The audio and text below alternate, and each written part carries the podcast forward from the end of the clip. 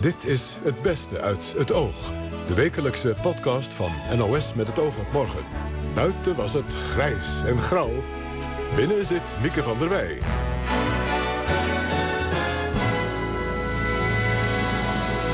Hartelijk welkom bij de podcast deze week. Waar gaat het over? Onder andere over het feit dat artsen te weinig praten over hun fouten. Tenminste, dat vindt deze jonge arts. Uh, je moet gewoon hard zijn, je moet sterk zijn, je moet niet je zwakte tonen. Om het woord macho maar niet te gebruiken. Juist, precies. Straks meer daarover. Ook hoor je alles over whips. Het waren of vakbondsheavies voor Labour of Ja. ex-militairen voor de Tories.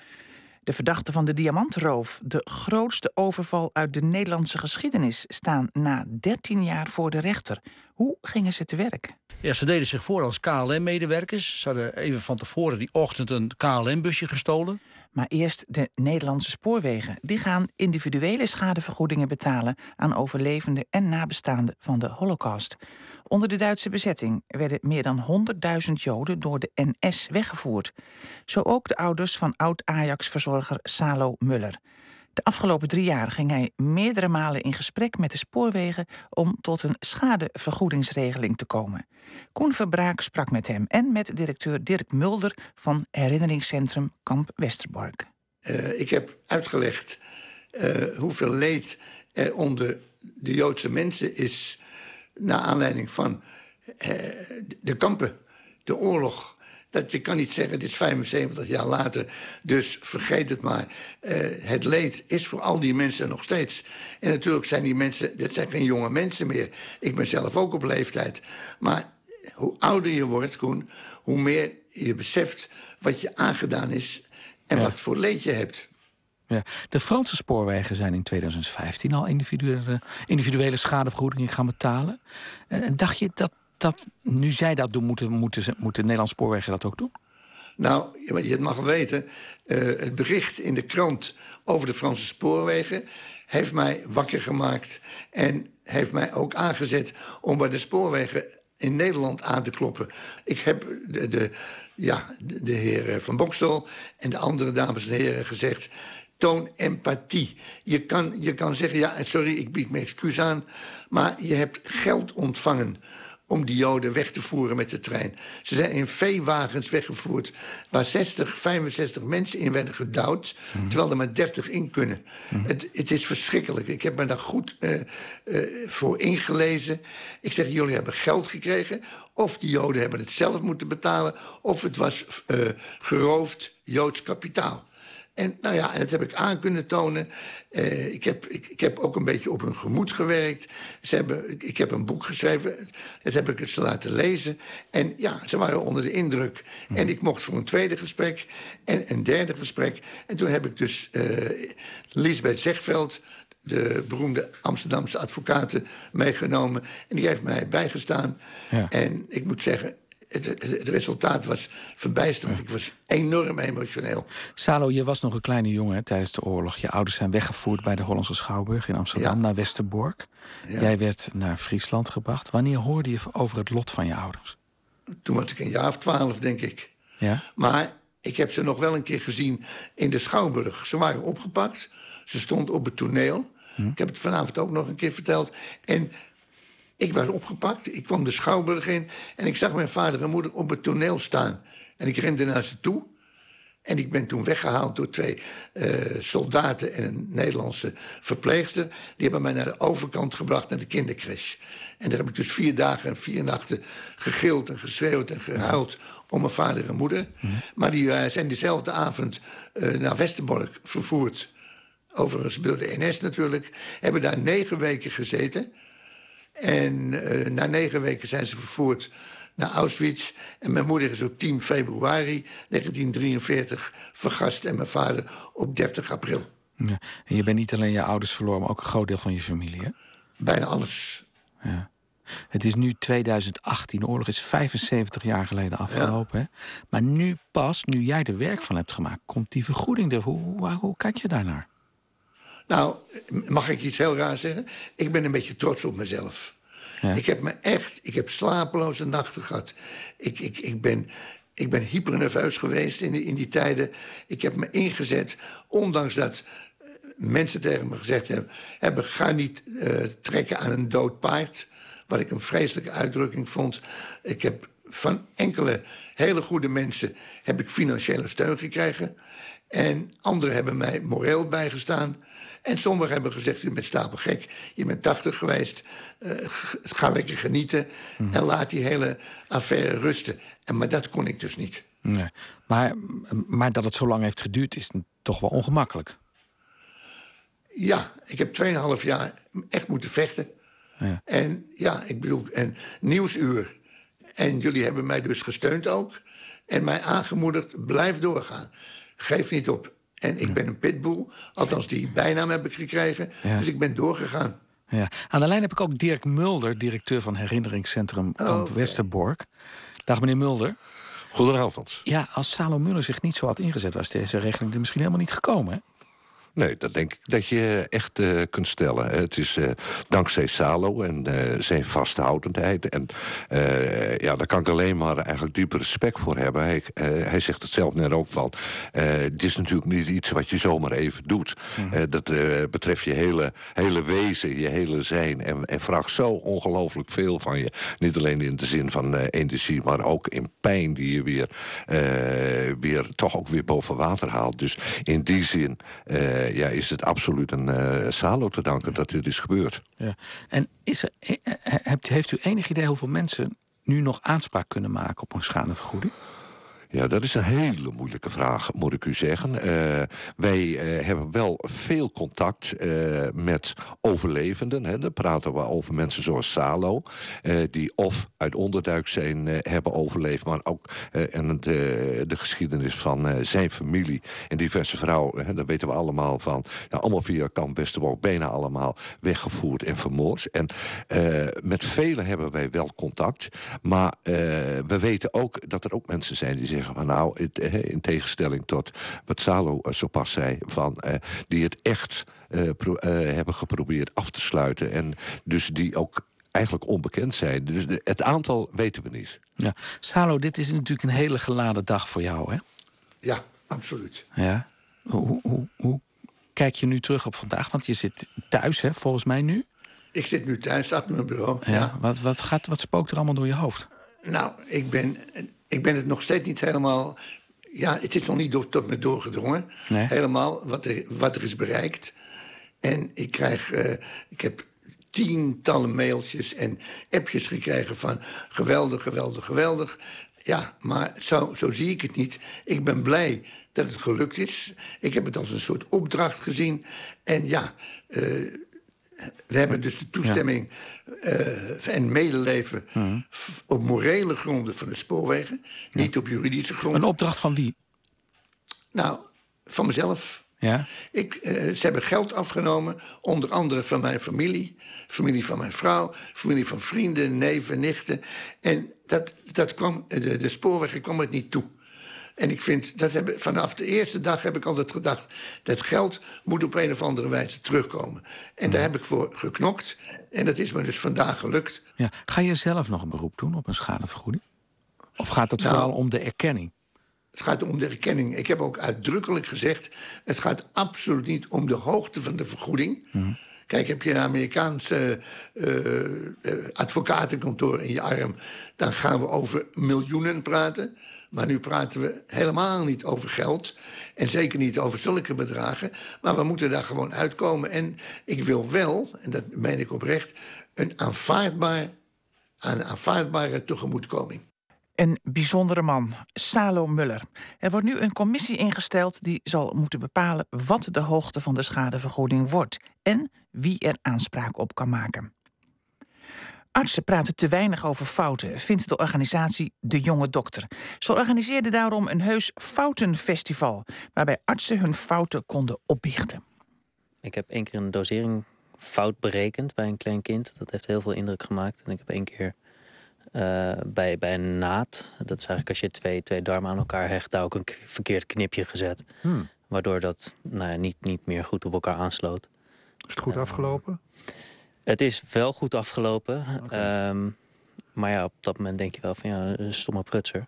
Ja. Uh, had je dat niet wat beter kunnen doen. Ja, dat stomme prutsen, dat lijkt me interessant om even bij aan te haken. Want dit, jullie zijn een organisatie die, die probeert jonge artsen te begeleiden in hun uh, jonge arts zijn, zal ik maar zeggen. De specifieke problemen die je als jonge arts tegenkomt. Is het voor een jonge arts moeilijker om met zo'n fout om te gaan dan voor een arts met veel ervaring? Ik denk dat het voor iedereen heel lastig is om, om mee om te gaan. Dat, dat blijft. Als je jonger bent, is het misschien, je hebt het nog minder gezien. Dus het komt misschien wat harder binnen. Hmm. Uh, je schil is misschien nog wat minder dik. En je hebt misschien nog veel minder dingen goed gedaan dan in je leven. Dus je gaat misschien ook eerder twijfelen? Ja, ook. Nou, ja. Ik denk dat je sowieso al veel aan jezelf twijfelt. En je denkt, ja, je hebt toch een mensenleven in je hand op dat moment. Ja. Rosa, wat is jouw fout?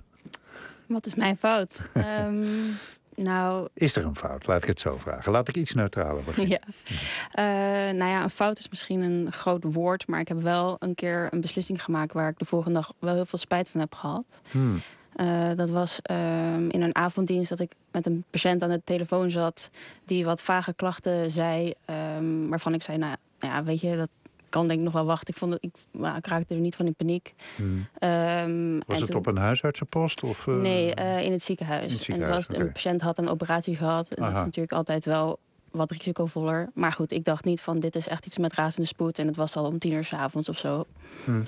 Uh, en toen dacht ik, nou dat kan wel wachten. Laat ik niet mijn supervisor ermee lastigvallen. Dat komt wel goed. En toen kwam ik de volgende dag in het ziekenhuis. En toen zag ik dat hij met spoed uh, de volgende ochtend een meneertje of vijf, zes geopereerd was. Omdat die klachten in één keer heel erg waren geworden. Hmm. Ja, toen kon ik mezelf natuurlijk wel voor mijn kop slaan. Ja, die had die patiënt duidelijk moeten zien. Of in ieder geval met mijn supervisor moeten overleggen. Ja, en, en ja, uh, want wat vind je eigenlijk je grootste fout? Had je het uit zijn verhaal of haar verhaal kunnen opmaken? Of dat je geen backing hebt gezocht? Dat ik eigenlijk geen backing heb gezocht. Ik denk, ja, die klachten waren niet heel duidelijk geweest. En mijn collega's zeiden ook van, ja, dat had het ook niks kunnen zijn. Maar je moet gewoon, als je het niet zeker weet, moet je gewoon aan je supervisor dat vragen. Want Ja. daar zijn zij voor. Maar leer je dat dan niet? Dat je dat moet doen? Ja, eh, wel en niet.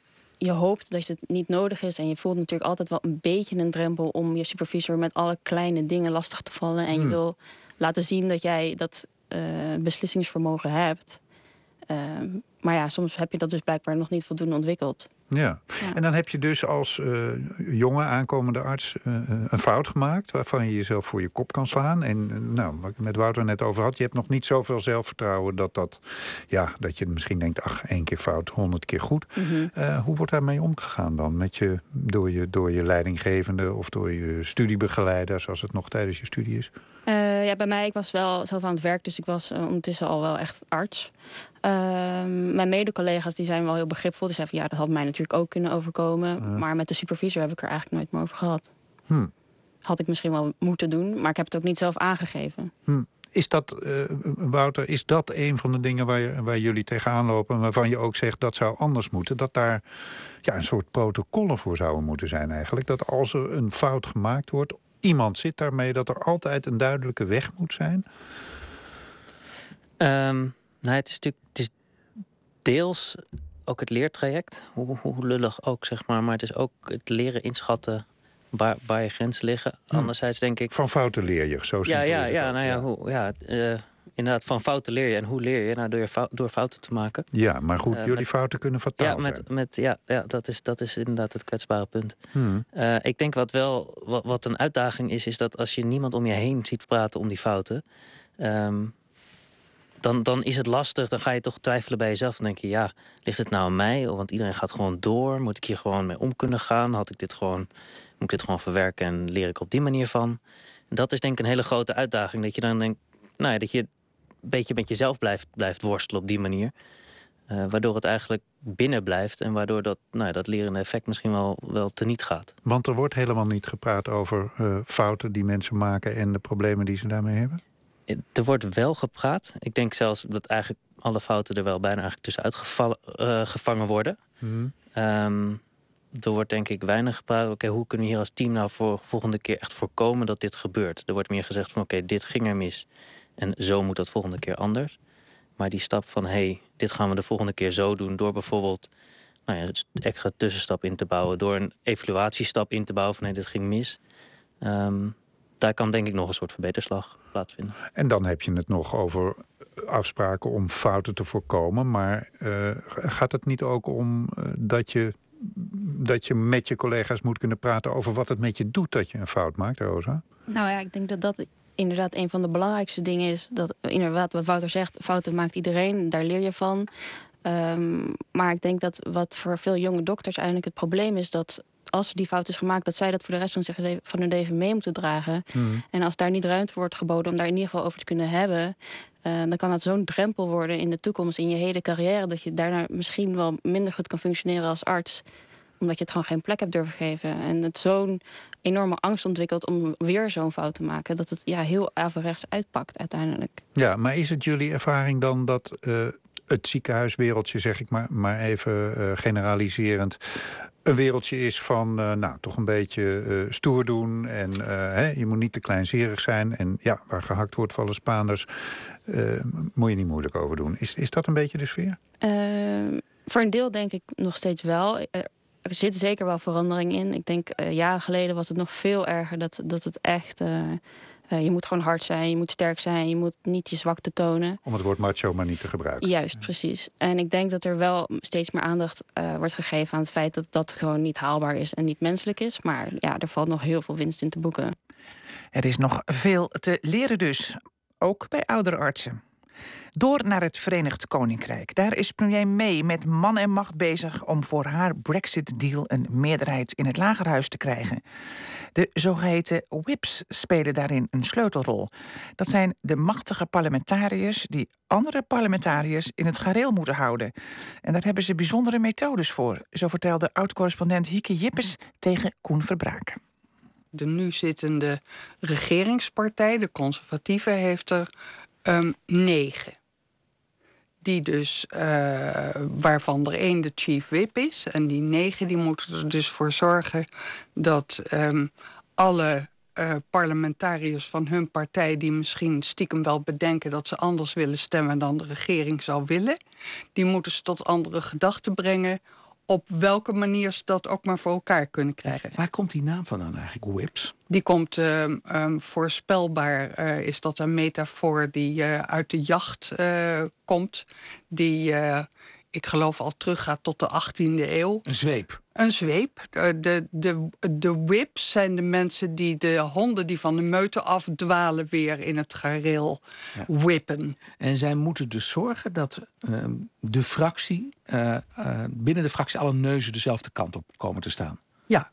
En uh, daartoe kunnen ze, uh, dat kan dwingend of minder dwingend uh, zijn. Dus er kan een bevel van hogerhand komen aan de parlementariërs dat ze zus of zo moeten stemmen. En dat is dan een, een one-line whip. Een soort stemadvies? dat of gaat, of een ja, zo van we hebben graag, we hebben graag oh, ja. dat u voorstemt of tegen.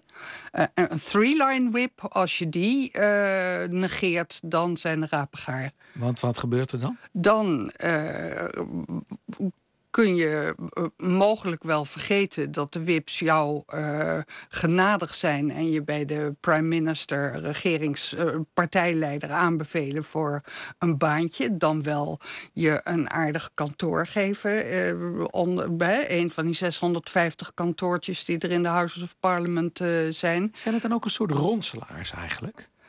Uh, nou, dat hangt er een beetje vanaf hoe je het woord ronselaar uh, zou willen gebruiken. Het, is, het zijn een soort. Um, in zijn mildste vorm personeelsfunctionarissen tot uh, variërend tot uh, uitsmijters. Die whips hebben allemaal een, dat zijn legendarische verhalen. Die hebben allemaal een zogeheten um, zwart boekje, dan wel het dirt boek waarin ze alles over iedere parlementariër wat ze maar te weten kunnen dus komen. alle roddels, alle... Ook alle roddels oh ja. opschrijven om die te bewaren voor later. Dus drankmisbruik, uh, wat dan ook. Uh, Affaires uh, ja. enzovoort. En als die. Nou ja, er is dus het. Die, dat dirtboek of die dirtbooks die liggen naar verluid in een brandkast van het kantoor van de chief whip in Downing Street nummer 12. Dus na, naast de premier? Uh, ja, naast, uh, ja, naast de minister van Financiën zelfs. Oh, oh ja. um, en, maar goed, in hetzelfde, in hetzelfde rijtje. Ja. En uh, die, uh, er is het geheim van uh, de whips room. Hè? Dus wat er onder whips gebeurt, dat wordt verder nooit, nooit, nooit uh, naar buiten gebracht. Maar die whips, die suggereren dus in ieder geval naar buiten... dat ze jou kunnen maken en breken. Maar het zijn dus zelf geen parlementariërs? Ja, het zijn zelf Wel. ook parlementariërs. En hoe zijn ze en het is voor hen dus Het is voor hen een stapje op weg naar de hogere regionen van het uh, partijapparaat en daarmee van het regeringsapparaat. Kun je, kun je uh, ernaar solliciteren? Kun je zeggen ik wil whip worden? Of? Nee, maar je kunt je natuurlijk wel gewoon in de kijker spelen van de dan zittende wip en hopen dat die jou zo ontzettend goed vindt. En ik moet meteen denken aan het ontzettend goede voorbeeld in dit geval van uh, de huidige minister van Financiën, Gavin Williamson. Die was tot voor kort uh, Theresa May's uh, chief whip. En daar was iedereen heel erg bang voor. En die had op zijn bureau een terrarium staan met daarin één hele grote tarantula. Oh, echt waar? En waarin hij zichzelf herkende? Um, nou, het suggereerde van alles en nog wat. En uh, hoe ver gaan die whips? Uh, die whips gaan heel ver. Het uh, mooie uh, verhaal van ehm, Jack Straw tot 2010 de minister van Justitie in het kabinet van, van Tony Blair. Die kwam de eerste dag in het House of Commons als verse parlementariër. En die werd door een soort heavyweight tegen de muur geduwd. En dat bleek een, een, een whip van de Labour Party te zijn. En die, die drukte hem dus tegen de muur tot hij naar adem snakte. Die greep hem in zijn, uh, in zijn uh, ballen. En Jack Straws piepte dus iets van... wat is er aan de hand? Maar Ik dat heb is helemaal niks rand, gedaan. op de rand van maffia natuurlijk. Dat uh, zou je kunnen zeggen. Het waren vroeger ook heel vaak... Uh, het waren of vakbondsheavies voor Labour... of Ja. ex-militairen voor de Tories. Dus dat waren altijd mensen die, die ook Die niet fysiek- van de argumenten moesten Die hebben. fysiek ook indrukwekkend waren. Ja, het is voor de whips momenteel spitsuur. Hè. Er ligt een Brexit-akkoord eh, dat door het parlement geloodst moet worden. Zijn ze nu heel druk en, en, en met allerlei geheime tactieken bezig? Eh, dat mag je aannemen. De Times wist vanmorgen te melden dat er zelfs ex-whips ehm, te hulp zijn geroepen. Die, eh, Die al met pensioen waren. nou ja, die misschien een andere functie in het parlement hebben. eh, om, om hen te bewegen, om vooral te helpen bij het in lijn brengen van ehm, eh, de parlementariërs. En die 90 dwarsliggers, hè, worden die echt bewerkt? Ja, daar kun je wel, Ja? eh, daar kun je Tot en wel met van mannetjes s'avonds, s'nachts eh thuis? Ehm, ja, want ook dat eh, gebeurt. Ik, Oh. bedoel, als je je weghoudt voor de whips... of als je er niet wil zijn, dan wordt je vrouw opgebeld... en dan wordt er voortdurend gezegd... wilt u wel tegen uw man zeggen dat hij toch, toch vooral met de regering mee moet stemmen? Oh ja. En dan wordt er nog wel eens een balletje opgegooid... In de zin van, ehm, ja, we kunnen helaas... We, we kunnen natuurlijk laten lekken dat we hem laatst nog een, een homobar binnen hebben zien eh, gaan. Of soortgelijk. Zo werkt het. Zo werkt het. En daar wil je wel voor meestemmen opeens, hè? Dan wil je, eh, ja, zeker. Zou dat voor Nederland ook een goed idee zijn? Ik heb geen idee hoe het in Nederland werkt. Maar Nee. Nou ja, bij ons heet het fractiediscipline, hè? Ja, dat gaat misschien toch meer eh, op basis van eh, redelijk betoog. En kijk, de, de- je hebt natuurlijk met dat parlementaire stelsel in, eh, in, in, in Engeland... met globaal twee grote partijen tegenover elkaar... Ja. daar weet je natuurlijk ook precies hoe de kaarten geschud zijn. Maar het ziet er altijd heel ongeordend en chaotisch uit. En je zou niet denken dat daar dan allemaal whips rondlopen met een zweep. Ehm, nee, maar dat zie je natuurlijk niet. Dat is allemaal achter de schermen. Dat is, het, dat is de kracht van het, eh, van het Britse systeem. Dat het naar buiten toe enorm gelikt en gelakt lijkt. Ik zie aan jouw gezicht dat je het ook wel wat vindt hebben, hè? Ik geniet daar Ja? enorm van. Ja? Ja, ik, daarom vind ik dat zinnetje in House of Cards, de oorspronkelijke eh, versie, ook zo prachtig. Hè? Van, eh, ik, ik, eh, you could say that, but I couldn't possibly comment. En dan, daarachter gaat dan een wereld van verderf en slechtigheid schuil. Geen wereld van de whips voor jou. Nee. Nee. Hieke Jippers, dank je wel. Op 25 februari 2005 vond op Schiphol de grootste roofoverval uit de Nederlandse geschiedenis plaats. De verdachten gingen er met 72 miljoen euro aan diamanten vandoor. Nu, 13 jaar later, staan ze voor de rechter. Lucella sprak met misdaadkenner Sherp Jaarsma, die uitlegde hoe het ging. Dat is eigenlijk de grootste rover de Nederlandse geschiedenis. 72 miljoen euro, dit 72,6 miljoen euro... waarvan ze eigenlijk een 40 miljoen achterlieten bij het overladen. Ze gingen eigenlijk te werk. Ja, ze deden zich voor als KLM-medewerkers. Ze hadden even van tevoren die ochtend een KLM-busje gestolen. Dan zijn ze rond een uur of negen, die bewuste 25 februari 2005 dat hebben ze nog een beetje na kunnen gaan op Schiphol. Hè. Dat busje werd gemist om die tijd. En dan tussen 9 en 10 is het niet helemaal duidelijk waar dat busje op Schiphol is gebleven. En dan is het uh, tegen 10 uur, dan zijn uh, twee echte Schiphol-medewerkers bezig een, een, busje eigenlijk uit te laden met een vracht diamanten die uh, terugkwam met Florida. Op een beurs, diamantenbeurs geweest. Waren bestemd voor Antwerpen. En de piloot helpt zelfs nog even mee met het uitladen. En dan komt er een busje aangereden wat de, de overvallers uh, hebben gestolen, even daarvoor. En dan uh, met een bivakmuts op, KLM overal aan, nemen ze de echte KLM-medewerkers onder schot en dwingen eigenlijk hun er buiten af te staan. En dan gaan de nep KLM-medewerkers rijden weg in dat busje, in dat vrachtbusje waar de diamanten in liggen. 72,6 miljoen euro aan diamanten. En rijden zo elk heel gemakkelijk het Schipholterrein af. Ze gaan bumper kleven achter een ander autootje en dan gaat de slagboom omhoog. En dan gaat het eh, KLM-busje erachteraan. Vijf minuten later, bij Hoofddorp, willen ze het overladen in een, uh, in een werkersbusje. Er staat zogenaamd iemand van het waterbeheer een, uh, met een schop in de grond een gat te graven. Zogenaamd, want die hoorden zogenaamd, erbij. Die erbij. En dan lukt het hun niet om de achterklep goed open te krijgen... en dat ze eigenlijk maar een deel van de buit mee kunnen nemen. Ze laten dan 40 miljoen eigenlijk achter uh, aan de juwelen en diamanten. En sindsdien ja, is de politie hun eigenlijk kwijt. En dan toch in de loop van 2005, we kunnen er wat verdachten worden opgepakt. Maar bij gebrek aan bewijs moeten ze ook weer worden vrijgelaten. Ja, want en, en de, dat waren de verdachten die nu morgen nou, ook terecht Er zitten een staan. paar verdachten bij. De politie heeft eigenlijk altijd beschouwd als hoofdverdachte August Wijnand B.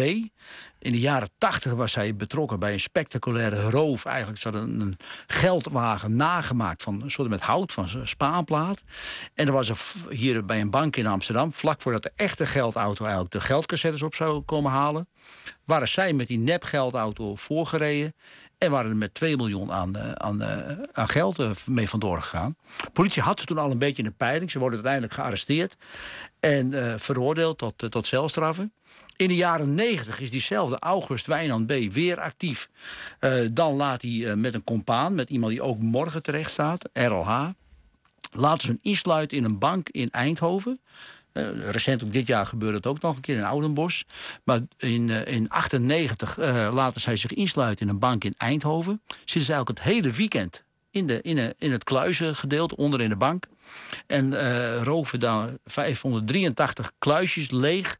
Van de 2000, in totaal 2000 kluisjes. Maar draaien aan die codes het hele weekend? Of nee, gewoon hoe, openbreken, uh, openbreken met uh, tactiek. En ze laten geen sporen, niks achter. Ook hun urine, zeg maar. En anderen nemen alles, smokkelen ze mee naar buiten... om zo geen, geen sporen achter, laten, achter te laten. Uiteindelijk worden ze wel gepakt. Maar urine, je bedoelt, ze hebben waarschijnlijk een potje meegenomen... Een potje meegenomen. plassen, ja, ja, omdat ja. ze anders het hele weekend... Rest, alles wordt meegenomen. En ze gaan de ochtend dat het bankpersoneel... de maandagochtend te werk gaat, ontsnappen zij uit die bank. Uiteindelijk kan later een goed speurwerk ook uh, de daders worden gepakt. Weer diezelfde Errol en de, die August Wijnand B. De buiten dikke 5 miljoen gulden in die tijd nog. Ja, Ze worden en, ook veroordeeld tot lange straffen. Die, die twee mannen, maar vooral die August Wijnand B... die wordt gezien als het brein achter die Schipholroof. Hij en wat waren, dan de, wat waren dan de aanwijzingen daarvoor? Want er was gebrek nou, aan bewijs. Waarom dachten ze dat hij het was? Uh, hij was uh, in, de, in de maanden ervoor heel vaak op Schiphol uh, gesignaleerd. Speelde mee. Er zijn ook al wat andere mensen opgepakt... die misschien mogelijk de politie in die, in die richting hebben gewezen. En destijds met die kluizenroof was hij ook, had hij een kluisje gehuurd in die bank. Dus hij heeft wel wat sporen vooraf achtergelaten. Maar uiteindelijk kunnen ze hem toch niet, niet al te veel maken. Wat misschien heeft meegespeeld een detailtje. Zijn vrouw werkte hier bij het kadaster in Amsterdam. En de marechaussee uh, had uh, bij het kadaster een plattegrond opgevraagd... van de woning van die August B. Uh, om, om hem zo te schaduwen. En ja, dat was gewoon een toevalligheidje dat juist zijn vrouw... dat natuurlijk die kreeg dat, die aanvraag onder ogen. Ja, of ze huis haar eigenlijk, eigen ja, huis... ja. Uh... Dus zodoende uh, ja, hadden ze eigenlijk heel veel in de gaten. Ook de telefoongesprekken werden natuurlijk heel voorzichtig. Dus er was onvoldoende bewijs. En toen heeft de politie niet. Hem weer moeten laten gaan. Ja, en toen niet losgelaten. Die dachten, we gaan toch Ja, door met, eh, met onderzoek. Ja. Wat, wat is er in die periode gebeurd? Deze meneer, die August, is overleden. Die Inmiddels. zomer heeft hij Ehm, eigenlijk zijn laatste roof gepleegd. Hè? Beroofde hem zelf van het leven. Dus hij is... eh, eh, en ehm, die eh, is eigenlijk weer in beeld gekomen... doordat ze bij een andere zaak drie jaar geleden... Eigenlijk bij toeval op het spoor kwamen bij, bij telefoon afluisteren van weer in deze richting. En sindsdien is eigenlijk een, ja, een hele undercover operatie van start gegaan. Ze werden min of meer de undercover agenten bevriend met een van de verdachten. Gingen mee naar Engeland, mee naar, zelfs mee naar Colombia en mee naar Praag. En ja, zo zijn toch wat dingen aan het licht gekomen. Waaruit eigenlijk de, is de hele dadengroep weer eh, in beeld in beeld is gekomen, ver- verdacht is geworden. 2017. En die, die eh, diamanten, zijn die nog teruggevonden? Het Nee, die deel zijn- wat ze nee, mee nee, hebben genomen. Dat is nog steeds spoorloos.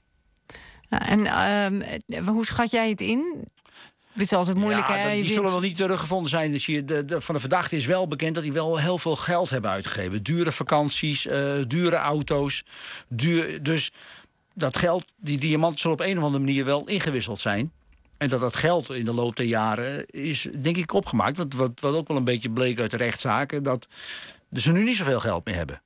En dat, dat ze op minder grote voet leven dan een, vlak na die roof. En dat is ook een be- beetje verdacht, omdat ze wel dezelfde zogenaamde baantjes nog hebben.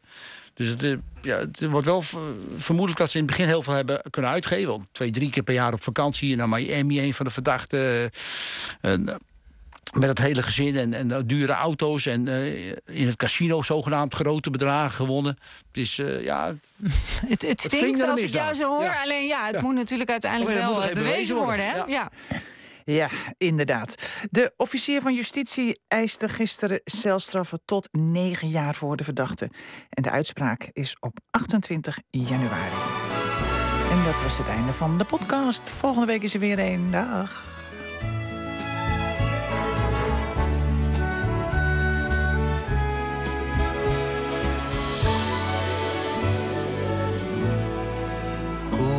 Nacht, Freunde. Es wird Zeit für mich zu gehen. Was ich noch zu sagen hätte, dauert eine Zigarette und ein letztes Glas im Stehen.